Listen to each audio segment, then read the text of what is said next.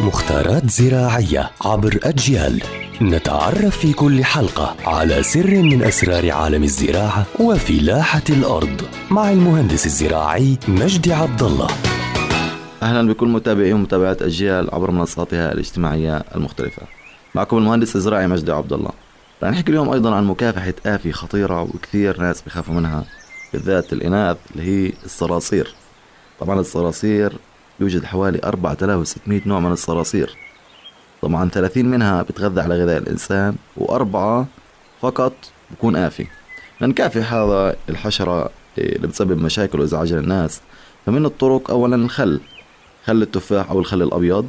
نمزج الخل الأبيض أو خل التفاح مع الماء مع صابون سائل بنسبة 2 to 1 بمعنى إنه فرضا خل أبيض لترين ماء لترين مع لتر صابون سائل. بنوضعه في وعاء وبنرش مباشرة على هذا الصرصور فيقتل مباشرة. ثانيا السكر. نخلط بيكربونات الصوديوم مع السكر ونوضعها في أماكن تواجد الصراصير. طبعا بيكربونات الصوديوم الريحة النفاذة اللي فيها بتجذب الحشرات والسكر أيضا بيخلي الحشرة ملتصقة. بنسبة واحد لواحد. يعني إذا بنحط مثلا بيكربونات الصوديوم 100 جرام بنحط سكر 100 جرام. الطريقة الثالثة وهي القهوة. طبعا نتفق أن القهوة لها ريحة نفاذة جدا تجذب الحشرات.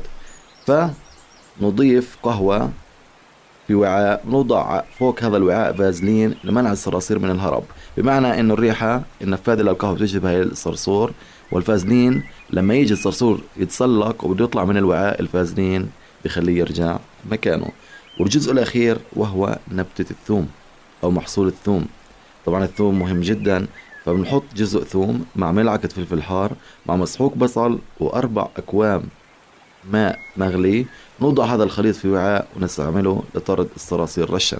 بمعنى إحنا بنجيب جزء معين من الثوم مع ملعقة فلفل حار مع مسحوق من البصل مع أربع أكواب ماء وبرش مباشرة على هذا الصرصور ويقتل فورا. طبعا بدنا نوه لموضوع بسيط يا إخوان إنه دائما الأصل هو التخلص من بقايا الطعام والمياه الراكدة.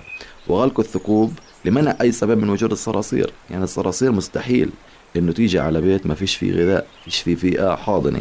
فالأصل الوقاية وإن وجد الصرصور بنكافحه بهاي الطرق. يعطيكم العافية.